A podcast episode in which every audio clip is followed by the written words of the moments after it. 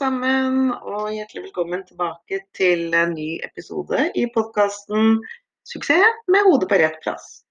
Dette er en podkast for deg som ønsker å bli inspirert til å få det beste ut av deg sjøl som rytter og hestemenneske på ditt nivå og med dine ambisjoner gjennom å bruke hodet ditt riktig og følelsene dine riktig, sånn at du får de resultatene som du har lyst på.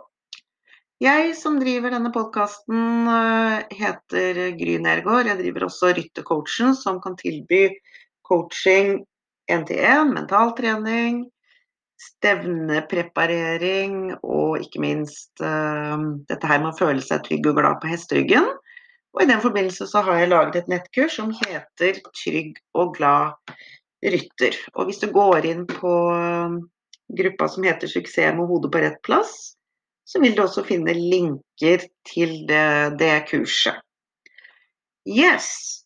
I dag så har jeg med meg en uh, spennende gjest. Og hun heter Marie Therese Engel, og noen av dere kjenner henne sikkert fra uh, et konsept som heter Rider in Balance. Uh, og det er jo som ordet sier, det handler jo om um, å være i balanse, altså ha en riktig posisjon. Og Marie Therese har uh, sin bakgrunn fra ballett, og jeg skal ikke si så mye om bakgrunnen, for det kommer fram i uh, podkasten. Men når hun har satt sammen uh, dette som handler om ballett, bevegelse, posisjon, og etter hvert også begynt å ri og tatt en veterinærutdannelse og en doktorgrad avhandling innenfor rytterens posisjon og det som handler om rideferdigheter, så kan jeg ikke si annet enn at denne podkastepisoden her, den er spekka med masse gode tips, masse gode råd i forhold til hvordan vi som ryttere kan, kan posisjonere oss på best mulig måte, så det gir en god helseeffekt både for oss sjøl og hesten, og sånn at vi kan optimalisere Eh, balansen og rytmen og, og rideferdighetene våre, for å nevne noe.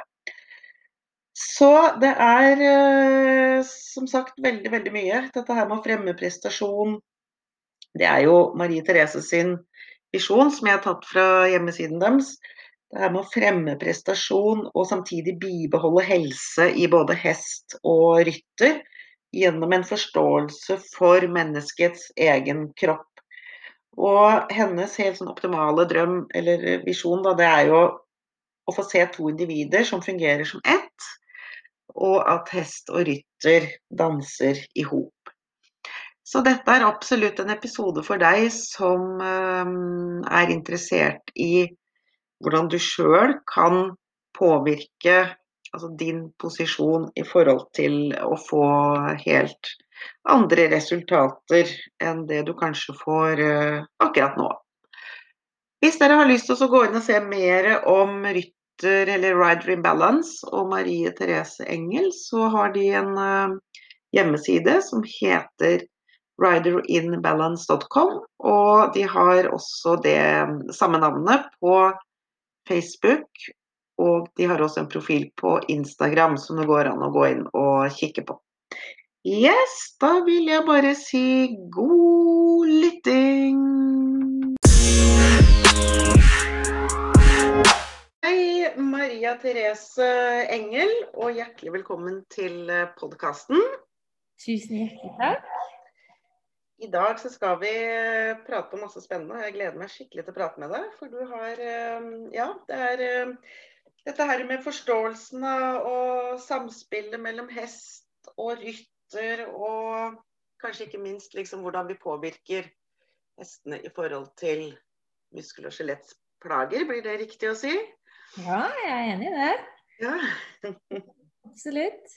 Ja, men eh, ja, for du, du, jobber jo Jeg har vært inne og kikka på, på, sidene deres litt, da, og jeg har sett um, Jeg tror jeg fant deg på Instagram i forhold til en dressurrytter som du hadde begynt et samarbeid med. Og jeg fatta jo veldig interessen for det du holder på med. Så og det handler jo sånn, sånn som jeg har forstått det, om, om og, at vi skal være i et så godt samspill at vi som ryttere har et ansvar ovenfor den hesten vi setter oss på, da, så ikke vi skader den mer enn nødvendig. Mm. Ja, altså jeg, jeg, tenker jo at alt dette med ridning har jo alltid, eller all idrett generelt, ligger jo liksom alltid på en sånn veldig knivspiss ofte. Mellom det å prestere og gjøre ting veldig godt, mot det å skape ubehag helsemessig. Mm. Det er jo liksom idrettens eh, store kompleks, ikke sant. Hvor ligger det å prestere godt og gjøre jobben sin godt og for konkurransemennesker vinne de tingene man vil, men allikevel bibeholde den gode fysikken og funksjonen i kroppen. Og for vår idrett så gjelder det jo faktisk to individer. Vi har ikke ski på beina, vi har en hest under oss, så ikke minst skal den hesten fungere optimalt. Og det er komplekst, altså. Det er absolutt. Ja. For du driver jo annet, Du er jo både veterinær og, og driver jo bl.a. Uh, et selskap som heter Rider in Balance. Mm. Um, og det tenkte jeg vi skulle komme litt tilbake til, men jeg har litt lyst til å, å, at du drar oss med tilbake til start. Det var det som liksom vekka den interessen med både hest og dette samspillet og helse. Og, Det er jo veldig mye inn i, bakt inn i dette her. Ja.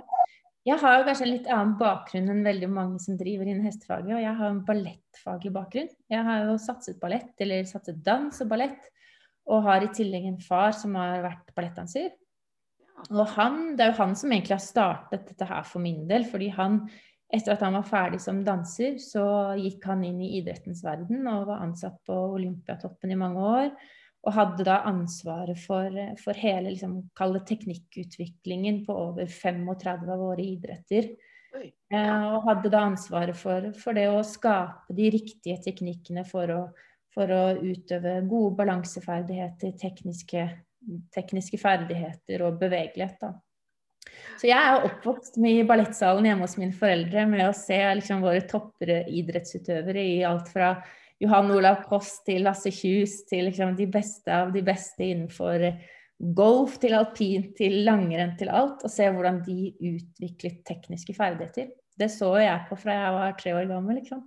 du har virkelig utvikla et sånt blikk, du. Da. Jeg har utviklet et blikk, og det tror jeg nok at det er det som på en måte er, er, er det som er min ferdighet. da. Det mm. er, er nok blikket. Og, og han, og der så jeg hvordan de jobbet sant, for å få disse olympiske medaljene sine. og Jeg vet jo at liksom, Olympiatoppen har sant, det systemet de jobber etter, er så utrolig systematisk. Det er så gjennomarbeidet. De vet at kommer du inn som en alpinist da, og skal, skal, satse den veien, så vet de hvor sterk du må være, hvor smidig du må være, hvor balansert du må være. De vet alle disse, disse kroppslige ferdighetene du må ha. Og så kommer du inn som rytter, så vet man ikke hva man skal teste engang. At man vet egentlig ingenting om vår idrett. Og det var nok der det startet for meg. At jeg, jeg fascinerte meg veldig over at, at jeg liksom møtte Jeg startet ikke med ridning selv før jeg var tolv år gammel. Og har jo etter det vært selvfølgelig helt hektet på det. Og bestemte meg liksom for at, at det å, å, forstå bevegelse er det som er det jeg vil gjøre i livet. Mm. Og da tenkte jeg da må man bygge en veterinærmessig bakgrunn, så jeg studerte veterinærmedisin. Og så jobbet jeg på, da, på Bjerke dyrehospital flere år etter det. Og, og så liksom, da, da, møter man jo akkurat det problemet. ikke sant? Rytterne kommer inn og sier ja, den hesten fungerer ikke så godt i traverne sine til høyre. Når man skal gjøre denne byttet, så blir den alltid så trang bak. ikke sant? Altså Alle disse tekniske tingene som de føler at er et smerterelatert område for hesten, som jeg mm. ikke alltid følte at var det, før den rytteren satte seg opp så så man at dette bildet ble veldig forstyrret for hestens mekanikk. Mm. Og da tenkte jeg at dette må jeg ta en doktorgrad på, dette må jeg forske på, dette vil jeg bli best i verden på. Ja. Det er en lang vei å ta. Men et sted å starte er jo det å liksom fordype seg i det. Så jeg, jeg disputerte på doktorsavhandlingen min for nå det er, oh, mange år er det siden nå allerede? Det er snart blitt tre år siden.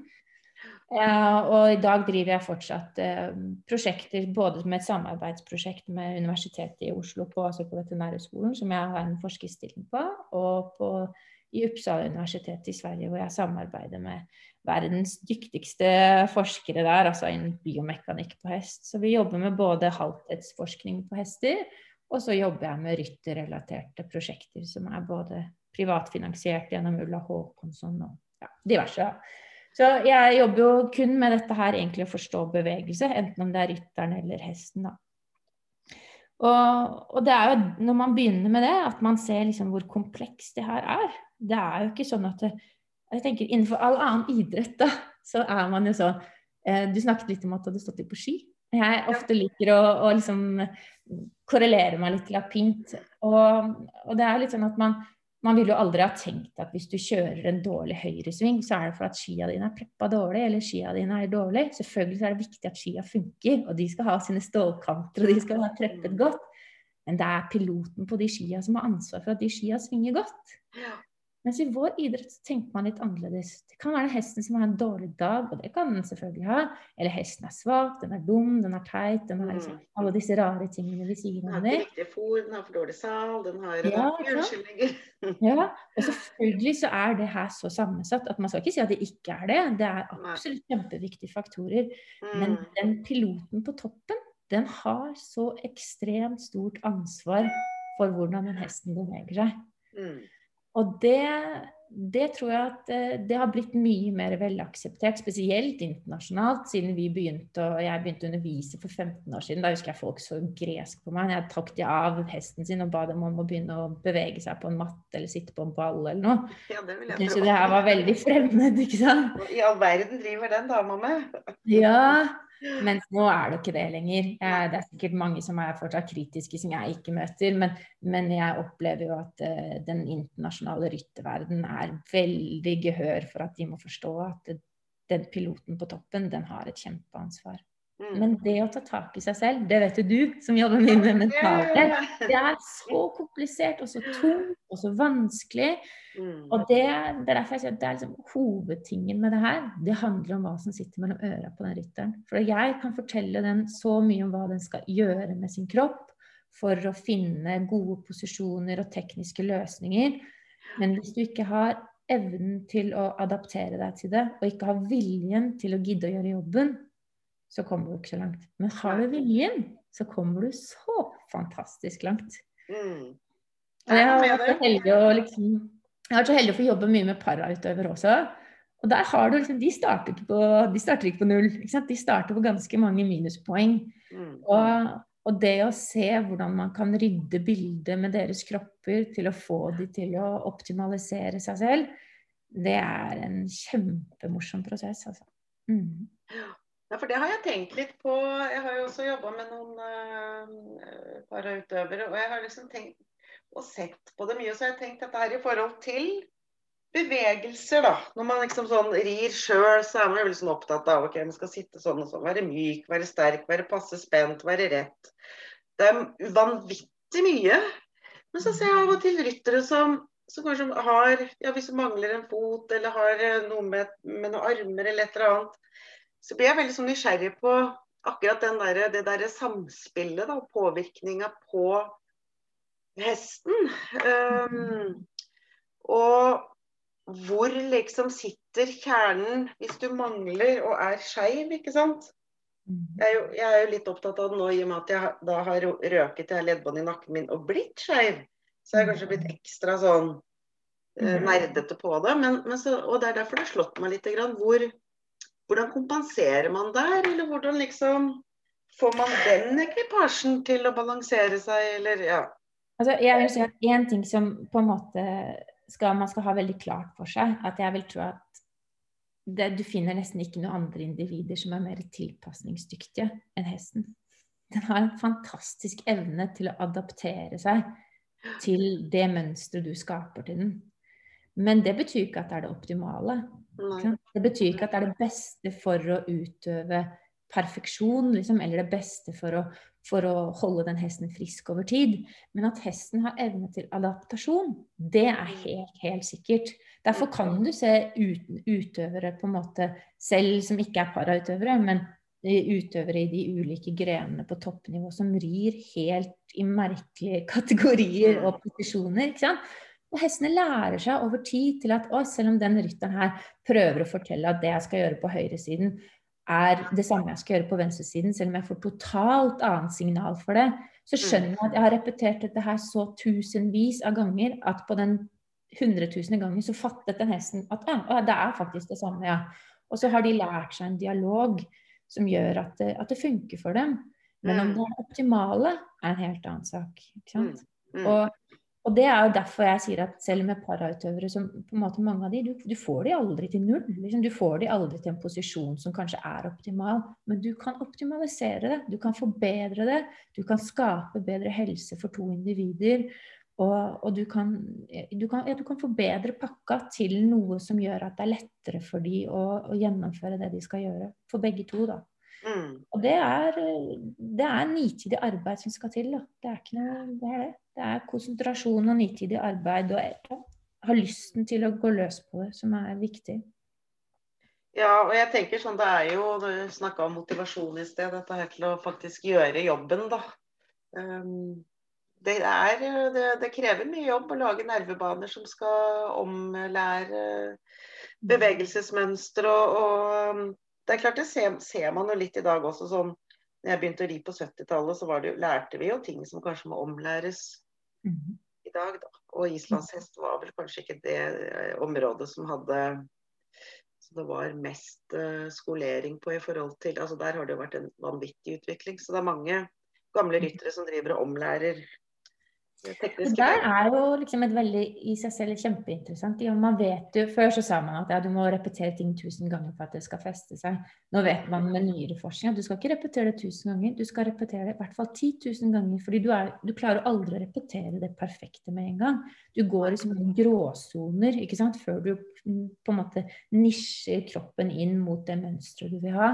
Så du skal repetere det så lenge. Og det er klart at i den fasen spesielt, liksom når jeg begynner å jobbe med utøvere, så er det veldig mange i starten som sier åh, jeg føler at jeg mistet hele den gode følelsen under ridningen. Ja, Mm. du gjør det. Fordi at den følelsen din er skapt på grunnlag av den teknikken du hadde, som ikke var så optimal. Men du opplevde det som ganske innafor, ikke sant? Og lagde ditt følelseskart på det. Så når man da begynner å endre teknikk, så endrer man følelseskartet. Og det er en ganske tungsindig jobb noen ganger. fordi da må man liksom si at nei, vet du hva, jeg må bare stick to the plan, og jeg må være tro til mine oppgaver. Og så kommer man lysere ut av tunnelen. Men, men eh, den kan være alltid en liten sånn downtour før man kommer oppover igjen. Og det, det må man liksom eh, orke å stå i, da. Ja, Mhm. ja. Jeg måtte ta meg veldig Først bli bevisst på at eh, Og dette er jo et par år siden, hvor jeg liksom begynte å si sånn eh, til meg, til meg sjøl at dette kan jeg ikke. Og det var jo fordi at jeg måtte begynne å gjøre om på hele Og så var det sånn Gry, hva er det du sier? Du sier dette kan jeg ikke. Selvfølgelig kan jeg. Mhm. Men jeg må bare begynne å kjenne etter. Når jeg sitter rett, så kjennes jeg skeiv ut.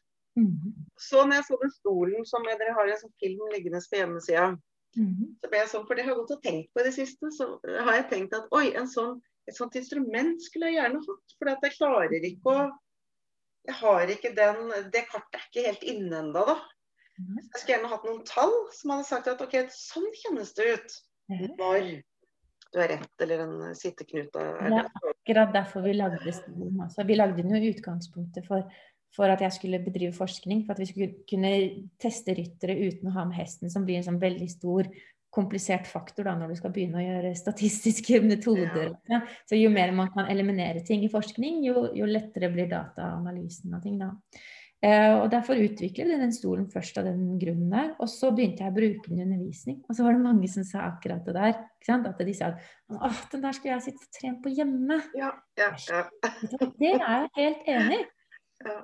Og, så- og det var egentlig sånn vi startet RIB, da, eller Rider in Balance. Ved at, eh, at eh, jeg fant at det her må man liksom patentere, man må utvikle stolen. Og så på det lasset som kom stigbøylen. Mm. Eh, og selvfølgelig hele kursvirksomheten og forskningen som vi bedriver. Så det er jo det som er RIB i dag. RIB er jo ikke bare meg, det er jo det er blitt et selskap, et AS, med flere aktører. Lars Røpstorff, som er professor på Universitetet i Uppsala, som er min gamle veileder. Som er eh, på en måte sitter som den store forskningssjefen i RIB.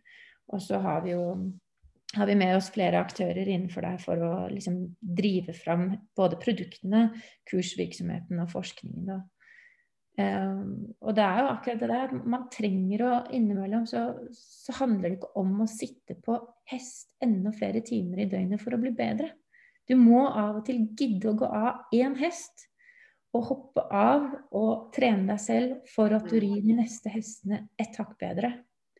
Du vet at Hvis du bare trener mengdetrening, så repeterer du bare de samme mønstrene. ikke sant? Du, du trener ikke nye, spesifikke mønstre som gjør at du utvikler deg. Du egentlig repeterer det samme hele tiden. Mm. Og kan du da heller gå av hesten, sette deg på en ball, sette deg på en stol en halvtime, time daglig eller hver annen dag, da, for å forstå din egen kropp, bli bevisst, ta tak i egne oppgaver, ja, så setter du deg på hesten neste gang igjen, og så er du litt hakket hvassere enn du var før du hoppet av sist. Mm. Mm, mm. Og det tenker jeg må være god motivasjon, også i forhold til det at man for det første får den mestringsfølelsen og føler seg bedre, for man får jo virkelig helt andre svar hos hesten når kroppen er eh, bedre posisjonert. Mm. Eh, Men også det der som går på empatien da, i forhold til eh, å ri den så optimalt som man klarer, i forhold til at den skal holde seg, seg frisk og, og ja, ikke få alle disse her halvthetsskadene som jo er så utbredt, og ryggmuskulaturer og alt dette her, da. Altså, det er jo ingen tvil om at, at hvis man ser statistikken fra f.eks. utbetaling fra forsikringsselskaper, vi jobber jo liksom i den retningen også sånn forskningsmessig, så er det jo over 70% ligger jo på halvthetsskader, altså relatert til bevegelsesapparatet til hesten.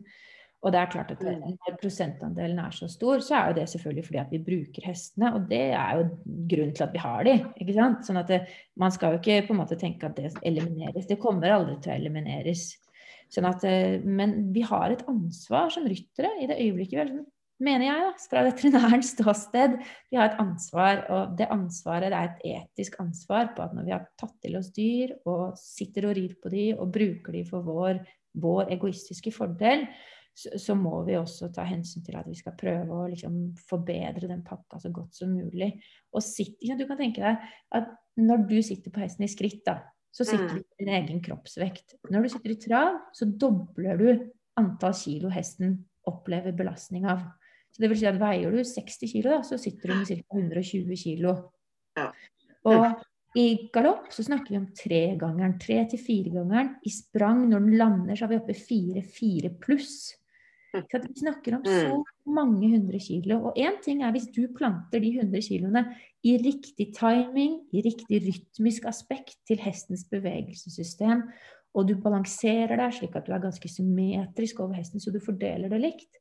Men dersom du sitter og dingler med 400-500 kilo til én side, så er det ikke det en liten flue. Liksom. Det er så mange kilo som hesten må styrke sitt system på for å håndtere og klare å bære deg rundt. Og det kan man jo liksom le av når man hører det, men det er realiteten. Da. Hos de fleste så har man såpass asymmetriske mønstre at man, at man skjevbelaster hesten sin. Og jeg tror at hesten er kapabel for å håndtere veldig mye av det, men over tid så forårsaker man nok mye bevegelsesrelaterte utfordringer for dem. Og det, det, er liksom, tenker jeg, der har vi et ansvar. Det betyr ikke at man skal liksom få panikken og tenke å shit, jeg kan ikke ri på hesten min. Det er langt derifra. Men man kan tenke at shit, hvis jeg da forbedrer meg litt, så gjør jeg noe veldig godt for, for helseaspektet for hesten, og forhåpentligvis for en selv også. Ja, for det er jo, det er jo bare vinn-vinn, akkurat det der, da. Det er bare vinn-vinn. Det er jo ikke noe annet. Men det er jo det å komme i gang og, og der tenker jeg motivasjonsfaktorene er veldig forskjellige hos folk. Noen har lyst til å vinne en uh, gullmedalje og stå øverst på en uh, pall, og andre har lyst til å være snill med hesten sin. Så det, man må bare finne sin egen gulrot for å ja. gjøre trening. Og tid finner man jo alltid. Ja, det er, jo, det er jo hva man ønsker å prioritere, det. Ja, så, så det gjør man jo hele tiden. Men du snakket om det her med, med Vi har snakka litt om det å endre og justere mønster. Eh, når dere jobber, altså hvis jeg hadde kommet til til dere, da, bestilt et, et forløp eh, hos dere og sagt at jeg vil gjerne forbedre eh, min, min, symmetri, og jeg vil gjerne forbedre ja, både balanse og alle de tingene som handler om i forhold til å gjøre meg, optimalisere meg sjøl mest mulig. Hvordan ville det egentlig foregått? Ja, stort sett så er det sånn at jeg anbefaler de fleste å komme uten hest første gang. Mm. Og det er fordi at eh, når man begynner å jobbe med seg selv, så er det en ganske sånn mental utfordrende prosess, og man blir ganske matt etter en stund. Eh, og man trenger tid. Man trenger ikke at man på en måte trenger å rushe seg inn på ridebanen etterpå. Så jeg anbefaler stort sett at de kommer uten hest. Og da bruker jeg stort sett to timer per utover hvor man kommer, og så begynner jeg gjerne å analysere først på en balansematte. Hvor man da får sine korreksjoner, man får en forståelse for hva det er du gjør for noe med din egen kropp. De fleste ryttere vil jeg si at i forhold til mange andre mennesker som går rundt i gata, da, så har ryttere ofte kjent på disse tingene. De har sittet på hesten sin og kjent at det er alltid den her traveren til høyre, eller det er liksom, jeg kjenner det alltid den gangarten, og jeg er vanskelig for å sitte ned i trav. og Jeg merker at det er noe, men jeg vet ikke hva jeg skal gjøre. Og det er det du skal få vite på første økten. Du skal få vite hva du skal gjøre. Du skal få forståelsen for hva det er du gjør med din kropp og hva som skal være verktøyet for å endre det. Og det bruker vi stort sett et par timer på. Og da noen ganger så, så jobber man liksom kun på matte og ball, og andre ganger så ser man jo at man trenger å gå inn og gjøre mye mer bevegelighetsarbeid, styrkearbeid. Eh, ja, for å lage en, en, mer fullkommen pakke for den utøveren, avhengig av hva den har behov for. Noen ganger må vi slipe sko, må lage såler. Vi må ja, gjøre enkle elementer for å hjelpe de å finne en posisjon som er, gjør at de kan håndtere de oppgavene de får da. Og så sender jeg da utøveren hjem etter et par timer med en smørbrødliste av hva de skal jobbe med og hva de skal tenke på. Men da er det ting som, eh, som er ganske enkelt å få gjort hjemme, holdt jeg på å si. Det er liksom gjennomførbare ja. tiltak. Ja. Oppgaven er jo hovedsakelig at du skal vite hva du skal tenke på 24 timer i døgnet. For det er, ikke, det er jo ikke hva du gjør når du rir. Sånn hjernen er jo sånn at den tenker jo ikke at om Maria sitter på hesteryggen, da skal jeg trene ryttermønster i hodet. Den mm. tenker at den måten jeg håndterer kroppen min på, hvordan jeg setter hodet over brystet, brystet over bekkenet, bekkenet over bena mine, det er sånn jeg løser livet. Uansett om jeg går på langrennsski, sitter på sykkel, om jeg står på alpinski, eller om jeg rir, eller om jeg skjærer brød eller pusser tenna. Mm. det er måten jeg har lagd Maria på. Og det er det identifikasjonsmønsteret man må presisere, man må endre. Og det vil si at du må få en verktøyliste som gjør at du skjønner hva du skal gjøre når du går tur i skogen, hva du skal gjøre når du rir, hva du skal gjøre når du pusser tenna. Mm, mm. Det er noe som du må lage som ditt nye deg, da. Fordi at når du repeterer det i lav hastighet, kan ha tid til å tenke på det, og gjør det til deg i alt annet arbeid, så vil det også være deg når du rir. Mm, ikke sant. Det blir automatisk. Det er det automatiske nervemønsteret som man er nødt for å presisere og forbedre. Og, og det er klart at, det, at uh, det der er Når du sitter på hesteryggen, så kan man, når du er en time hos meg, så kan jeg sitte og terpe på posisjon og posisjon og posisjon. Men når man skal ut og konkurrere, og det er publikum rundt, du har adrenalinet som pumper, og du har én oppgave å tenke på, det er å få hesten til å komme rundt i den retningen den skal, om den skal på hinder, eller om den skal gå et dressurprogram, eller hva den skal, så har du ikke mulighet til å tenke på hvordan hodet var over brystet, brystet var over bekket. Liksom... Hjernen er ikke kapabel for så mange oppgaver. Så da må automatikken ha tikket inn. Mm. Og da må du ha repetert det så mange ganger i ditt eget hode at du kan stole på at hjernen gjør jobben for deg. Så det er mm. første gangen er smørbrødlista for hvordan du skal få hjernen til å tenke nytt. Og så kommer du tilbake. Ja, noen kommer tilbake veldig fort tid etterpå. Noen bruker lengre tid, noen vil jobbe selv, noen vil ha hjelp med en gang. Det er helt individuelt og helt opp til hver enkelt person. Og så tar de med seg hest neste gang, men da har vi alltid en times økt. Først på matte og på ball og på ulike stolinstrumenter og ruller og alt vi bruker. Og så kjører vi på hest etterpå. Og så etter hvert så Og jeg, det gjør alltid. Jeg kjører alltid uten hest, alltid med hest. Så sant ikke det er utøvere som jeg har hatt i mange år, da, som på en måte kommer inn for helt ja, på en måte rutinetrening, så, så hender det at jeg innimellom tar en økt uten. Men jeg velger alltid å helst ha de uten hest samtidig som de også rir samme dag. Mm, mm. Man må ha mm. tid til å avsette fokus på seg selv. Ja. Hvis man ikke liksom gjør det grundig nok, så kommer man til å gjøre shortcuts på veien, og de skjer når hastigheten øker, og når ting blir komplekst, og det er komplekst å ri. Det er jo helt sikkert. Det er, det er mye, mye, som skal eh, falle på plass hvis det skal bli den, eh, den eh, harmonien da, som, som, du snakker om, som på en måte blir det, er det Mm. ultimate bildet, kanskje. Den hesten og rytteren som er i én mm. og samme, samme kropp. Det er, det er en veldig kul ting du sier der, for det er en følelse. Ikke sant? Mm. Og hva er det som ligger til grunn for følelsen? For det sier alltid mange ryttere. De sier å, når jeg rir den Jeg tar traversen, da. Så kjenner jeg at når jeg rir den til venstre, så bare flyter den. Mens når jeg rir den til høyre, så er den så vanskelig. Det er en følelse. Men hva baserer du følelsen på? Det er helt Kall det biomekaniske ting. Det er tekniske ting. Det er hvordan er det hesten plasserer de frambena i forhold til de bakbena, i forhold til bevegelsesretningen. Mm. Og hvordan er det du stabler ditt klossesystem i forhold til det. Og når vi kan sortere hva det er som funker, ikke funker, da kan du forvente følelsen. Men mm. mange ryttere de rir etter søken på følelsen. Og den finner du aldri hvis ikke du vet hvordan du skal bygge klossesystemet for å oppnå følelsen. Mm. Følelsen, det er prikken over i-en, da. Ja. Det er ikke den som lager is, det er ikke, det, er ikke fundamentet. Fundamentet ligger i hvordan man stabler klossene sine og bygger tårnet sitt og får hesten til å flytte de ulike bena i ulike momenter. Når man har forstått mekanikken i det, da kan man kjenne på følelsen. Og det tenker jeg at det er veldig fint at du sier det på den måten. fordi at når man tenker i klosser, så tenker man litt sånn ikke sant, logisk, øh, følelseskaldt, legoklosser som stables oppå mm. hverandre i et mønster. Mm. Og så snakkes det jo hele tiden om rytterfølelsen. Mm. Så, det, så, når man begynner å ri, da, så tenker man liksom å, jeg må finne den rytterfølelsen.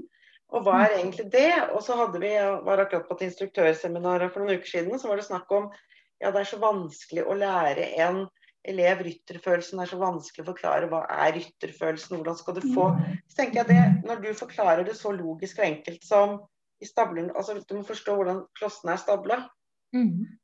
Så er det en, tenker jeg, en en mye smartere og mer logisk og enklere måte å starte det hele på. Da. For, å, for å få en slags forståelse og, og mestring i det. Istedenfor liksom følelser følelse er veldig ullent. Følelse det er helt individuelt, og du kan aldri liksom si hva et annet menneske føler. ikke sant? Nei. Det er noe du opparbeider deg ved erfaring. Mm. Og at noen kanskje har roset deg i gitte øyeblikk, så de sa 'bra, bra'. Å ja, ok, det er den følelsen her jeg skal kjenne. Mm. Men så må du vite hvorfor var den bra? Ikke sant. Hva var det som gjorde at den var bra? Ikke fordi at hun dama satt og sa den var bra, det er fordi hesten posisjonerte seg på en måte i en rytmisk kode som var i forhold til det bildet man ønsker seg. Mm. Og det er følelsen du skal basere det på. Du skal basere det på alle disse tekniske elementene som ligger i bunnen for det. Og hvis jeg skal gjøre det enda mer komplekst, så snakker man jo om en pyramide for teknikkutvikling. Man snakker om at liksom, Folk kommer til meg og sier at jeg har så dårlig balanse. Jeg vil trene balanse. Men balanse, det kan du ikke bare trene. Det som er grunnlaget for balanse, det er posisjon. Mm. Du får aldri en ballettdanser til å prioritere fem piruetter og trene balanse hvis hun ikke vet hvordan hun skal stable tårnet sitt over den tåspisskoen. Du kommer aldri til å nå fem piruetter. Fordi at fundamentet til balanse er posisjonen. Det er hvordan du stabler klossene dine overfor hverandre. Når du har kontroll på posisjonen, da kan vi begynne å jobbe med balanse. Da kan vi si at vi skal trene denne posisjonen inn i alle ulike kompliserte balanseøvelser. For da vil du kunne klare det. Og så, når vi har lært balanse, da kan vi snakke om rytmiske koder. Hvordan skal vi kunne klare å dra med oss denne posisjonen, denne balansen over foten vår, inn i skrittet, travet, galoppen, inn i bytter, inn i, inn i spranget, inn i alle disse ulike rytmiske elementene som ridning er.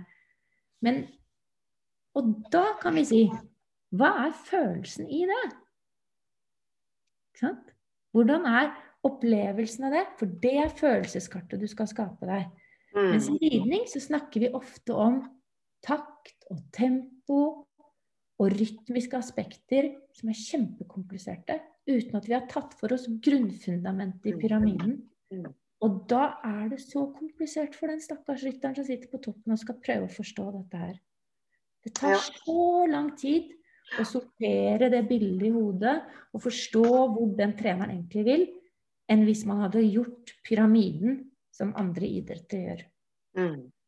For det er jo litt sånn, ikke sant, du kommer og så rir du for noen, og så er det dette her, ja, den skal være over ryggen, den skal sånn og sånn, halvparader, og så liksom ja. prøver man å gjøre et eller annet, og når man er så konsentrert om det, så kommer jo de her skjelettdelene helt ut av posisjonen, da. Man blir så Ja. Men da, ja, ikke sant, det å stable, stable klossene eller stable skjelettet, det er jo en sånn fin start. Er det noe som man gjør i den analysen da, når man kommer til deg? i starten? Så første økta handler om posisjon. Ja. Og når du vet hvordan du skal optimalisere posisjonen din, så begynner vi å jobbe balanse. Mm. Og når vi har nailet å holde balanse og posisjon i ulike elementer, så begynner vi å jobbe rytmiske ting. Mm. Spennende. Sånn jeg hadde Ann-Katrin Lubbe digitalundervisning i går. Hun er jo vår topp, en av våre topp-pararyttere som har prestert best internasjonalt i årrekke. Mm. Og nå er hun preppet for å prøve å kvalifisere seg for OL, ikke sant. Og da sitter vi og jobber nå jevnt og trutt så godt vi kan over det digitale på ball og på ja. hest. Så sitter man og ser på programridning, tar en av hesten, Går inn, sitter på ball. Hvorfor funket ikke den overgangen? Hvorfor funket ikke den linjen? Hvorfor var ikke hesten riktig rytmisk i det og det tempoet? Nei, da får vi gå inn og trene det. Da må du bevisstgjøre det med din egen kropp, ditt eget hode, slik at når du setter deg på livet neste gang, så vet du akkurat hva du skal jobbe med. Mm. Er det mange som blir veldig overraska når de kommer til deg, som liksom har trodd at uh, ja, men jeg sitter jo rett, eller uh, jeg er like myk i begge hoftene. eller Mine hofter er rette. ikke sant? Jeg er ikke på noe slags vis skakke, eller mine bein er like lange. eller altså Alle de tingene der. da, Usymmetri. Jeg tror at veldig mange kanskje blir sjokkert over hva det er de skal gjøre for å endre seg.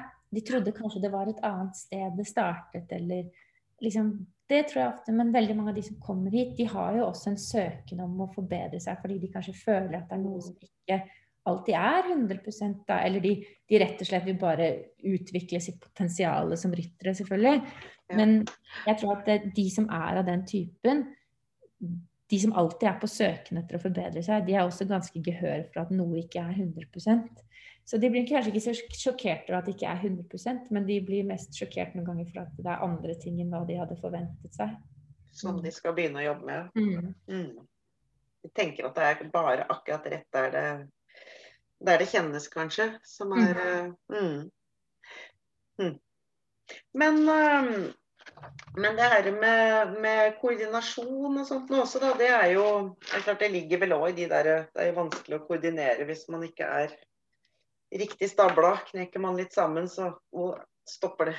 Det blir noen sånne stopper. Men hva er det som du tenker er det mest um, mest hva som går igjen, liksom. Som er på en måte en sånn For hvert fall vi, vi som jobber kanskje litt, og instruktører som, som, hører på dette her, og som snakker med Og som har elever, da.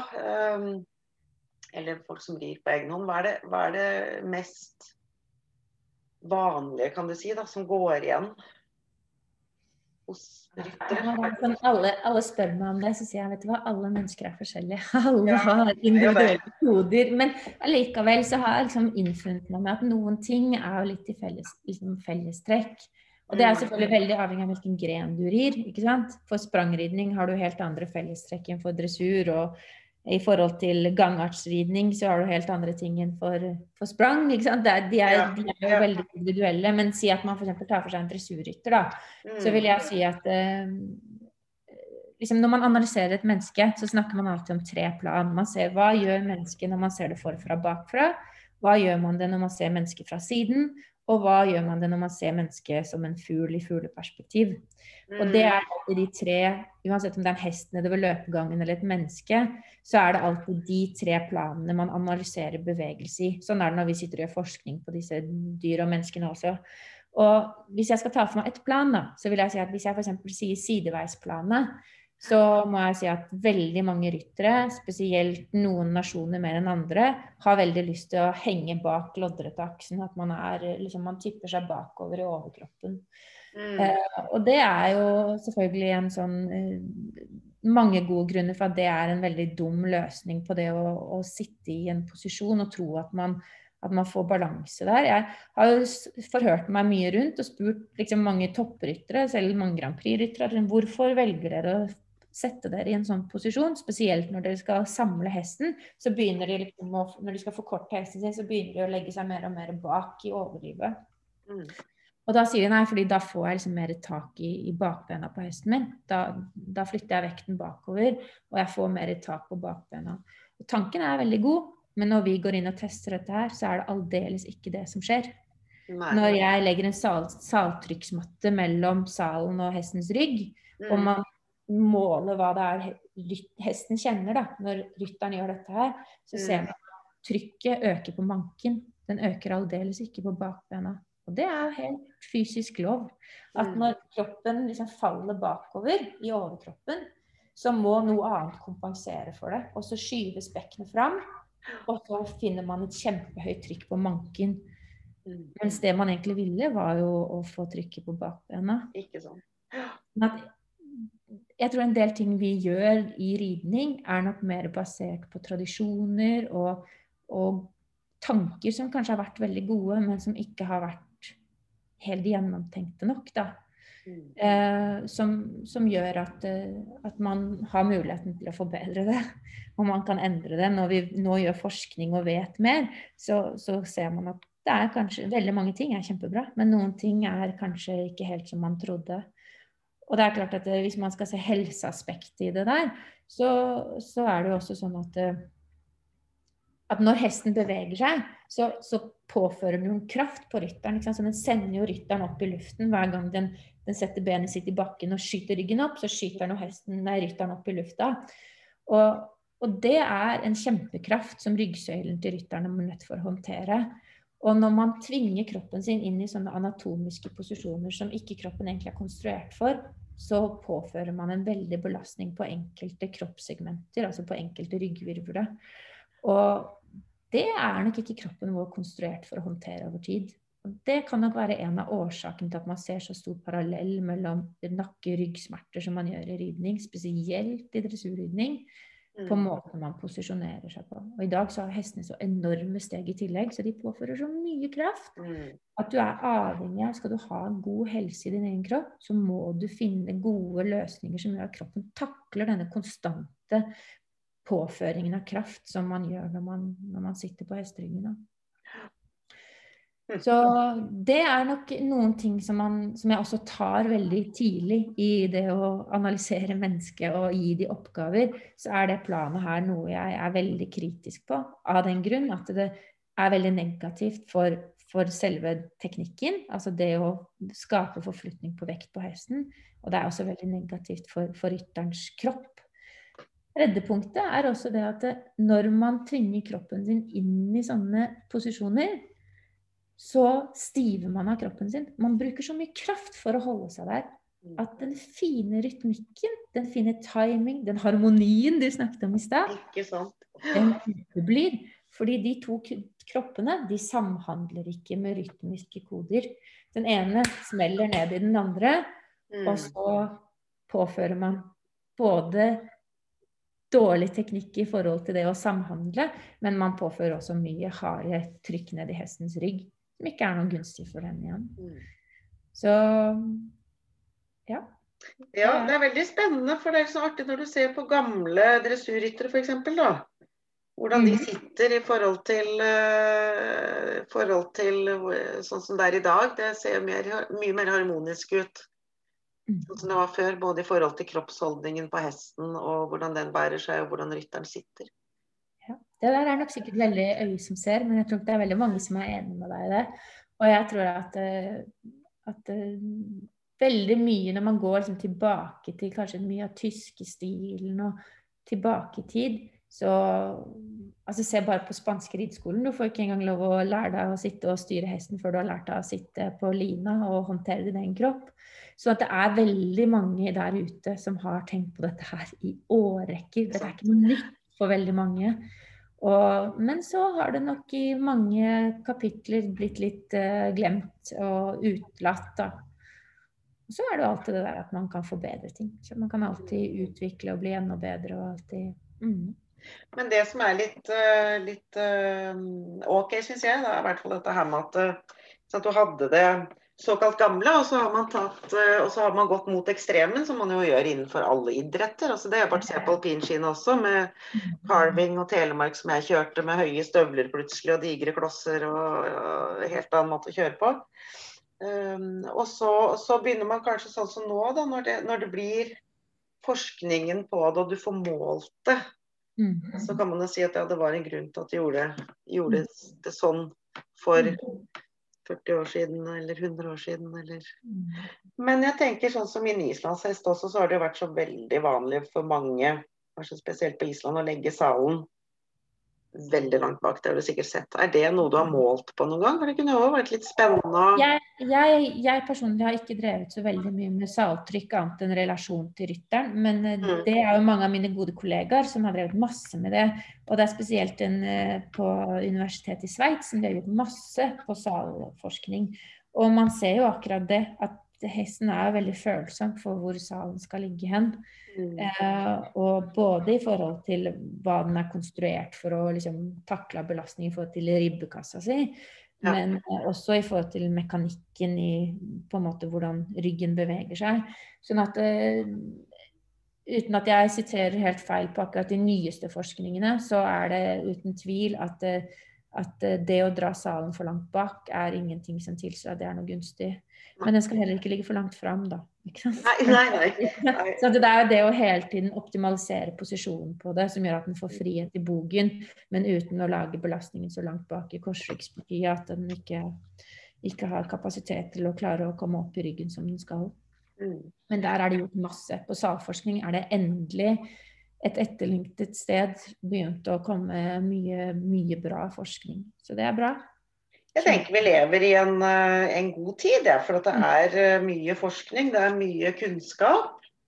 Eh, og de unge rytterne som kommer inn i systemer i dag, de får jo en Ja, jeg tror de fleste får en veldig god og grundig opplæring. Da, og de som vil, har jo absolutt muligheten til å finne ting overalt. Både gode og dårlige ting, da, selvsagt. Ja, absolutt. Og jeg tenker jo at alle i dag er jo blide, og man er så mye mer liksom, Kunnskap sprer seg jo så mye raskere i dag. Ja. Så folk, blir, eh, folk er flinke, og folk eh, utdanner seg og tar til seg fagkunnskap. Og det er veldig kult. Altså. Det er kult å se. Det er veldig bra. Verden går fremover. ja, det er fint. Fort. Jeg tenker at vi kunne snakke, snakke om veldig mye. Vi har liksom ført oss inn i Og sånn er det når jeg har disse podkastene. Vi begynner et sted, og så bare tenker jeg sånn underveis i episoden at å ja, men det kunne vi prata om. Og, og, dette her med det du holder på med, ikke sant. Og, og, og dømming. Hva, der er det jo et stort Det er mye, mye å ta tak i. Men jeg ser at tida begynner å gå. Um, men jeg har litt lyst til at du bare skal uh, Avslutningsvis så pleier jeg å ha det litt sånn når man har tre ting som man har lyst til Hvis du kunne fått prata med alle ryttere i hele verden, Mm. Tre ting som du virkelig brenner for, eller tips, eller ja, tre sånne beskjeder som du ville gitt, da, som du tenker at ah, dette er viktig, dette må jeg virkelig få, få ja. eh, nei, hva skal man si da? Jeg tenker at det første er at uh, teknikkutvikling er som en åpen bok. Det vil si at uh, alle, alle, alle, alle kan forbedre seg. Men det handler om evnen til å gidde å gjøre jobben. Ja. Det er første take home-messagen. Man skal tenke at har, Det er ikke en sånn, sånn nitidig arbeid hvor man ikke kjenner resultater. Man kjenner resultater så utrolig fort, og spesielt i vår idrett, fordi at hesten er som et speilbilde av deg. Sånn at når du gjør rett, selv om følelseskartet sier at det er feil, men når du gjør rett, så gjør hesten rett. Og det er en sånn kjempemotivasjon for veldig mange. At de sier 'Å, Maria, det føles så rart. Å, det er så fremmed og merkelig.' Men jeg kjenner jo at hesten min gjør det den skal. Mm. Og det er en veldig kul greie. Og det, det, tenker jeg det må være blant de to viktigste take home-messagene. Liksom. At eh, alle kan forbedre seg, og hesten er et speilbilde av deg. Så når ting ikke funker, så istedenfor å liksom tenke at hva er det liksom, den hesten må bli sterkere og smidigere, og ja, det må den sikkert, men hvordan er det du informerer den oppgaven du vil at hesten skal løse? Hva er det piloten gjør når han styrer flyet sitt? Er det flyets skyld at det ikke landa på rett sted, eller er det piloten? Tør å gå inn i deg sjøl, og tør å liksom stille kritiske spørsmål. Og så tror jeg er det én ting som jeg syns er superviktig for alle ryttere, er at de begynner å tenke mer mekanikk. Når de skal gjøre ulike øvelser, hva er det du vil at hesten skal gjøre? Ikke tenk på hva følelsen skal være, men hvordan er det hesten skal bruke beina sine for at du skal løse den øvelsen riktig. Og Der får man lov å være, stille spørsmålene til sin trener. ikke sant? Hva er det som gjorde at du sa at den var bra? Hva er det som gjorde at du sa at den ikke var bra? Ikke sant? Hva er forskjellen som Hva er forskjellen? forskjell der? Mm. Fordi at når du vet hva du vil ha, når du vet hvordan en øvelse skal gjennomføres, så kan du bare speile den med en egen kropp. Og så er det mye lettere med dialogen med sin hest. Mm. Og da søker man etter den evige harmonifølelsen, og da oppstår den kjappere. da blir det, da blir det den danseren, ja. Da blir det danserne. Mm. Men uh, hvor, uh, hvor, kan folk finne deg? Og er det sånn at uh, reiser du rundt hvis det er en rideklubb som vil ha, ha ja, altså, jobbe med deg? Eller hvordan skal man liksom få fatt i denne kunnskapen? Ja, det er jo sånn at nå har denne koronaen satt litt stopper for all reisingen jeg har bedrevet de siste årene. Så akkurat nå så har jeg jo hatt litt muligheten til å ta inn litt ryttere, flere her hjemme, da. Men jeg er veldig redd for at jeg nå har tatt i meg så mange flere, så plutselig så åpner landet opp igjen, og så må Maria begynne å reise igjen, og så har man plutselig en altfor overfull kalender igjen.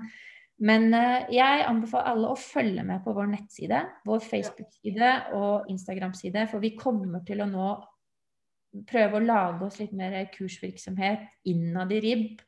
Og på en måte lage mer utdanningsverktøyer som, som gjør at vi sprer kunnskapen mer. At ikke det bare er jeg som reiser rundt og underviser. Men mitt mål er jo Jeg har en drøm. Alle har en drøm. Og min drøm er å liksom kunne lage et akademi med tid og stund som gjør at man, at man sprer sitt budskap med at andre mennesker eh, får til seg kunnskapen og, og kan spre den med, med, sine portaler. Fordi det er den eneste måten å treffe nok Å hjelpe nok folk, da. Ikke mm. sant. Ja. Så, men det er bare å ta kontakt, og så prøver jeg å finne så gode løsninger som jeg klarer å få til. Ja, ja men det er bra. Mm. Det var mye spennende som vi har eh, pirka litt i overflata på, føler jeg. Det var veldig Absolutt kjempespennende. Og et uh, som det er uh, Som i hvert fall jeg personlig syns det er artig å gå inn i og, og gjøre noe med håper at flere fler, uh, etter hvert syns det. Så jeg vil bare si hjertelig tusen takk for at du tok deg tida til å være med i dag. Tusen hjertelig takk for at du ville høre. Kjempefint. Tusen takk. Ja, så får du ha lykke til videre når landet åpner og i det hele tatt. Ja, det blir spennende yes. nå. ja, det gjør vel det etter hvert. Ja. Ha det.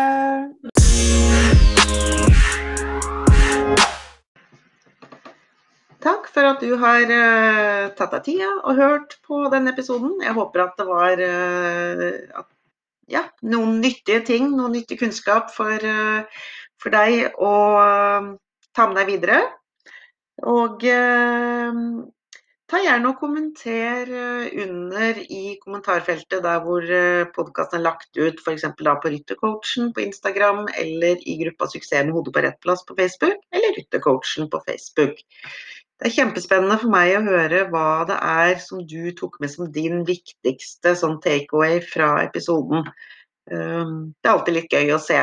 Ehm, personlig så syns jeg det var eh, veldig, veldig mange mange ting. Men jeg liker jo å gjøre ting enkelt. Jeg liker å komme alltid inn i der hvor bunn, bunnproblemet sitter, holdt jeg på å si. For da får man litt større og bedre dominoeffekt. Så for meg så var det veldig nyttig også å, å høre om dette her med å, å stable klossene, altså stable skjelettet sitt. Um, som en sånn fin grunnpilar.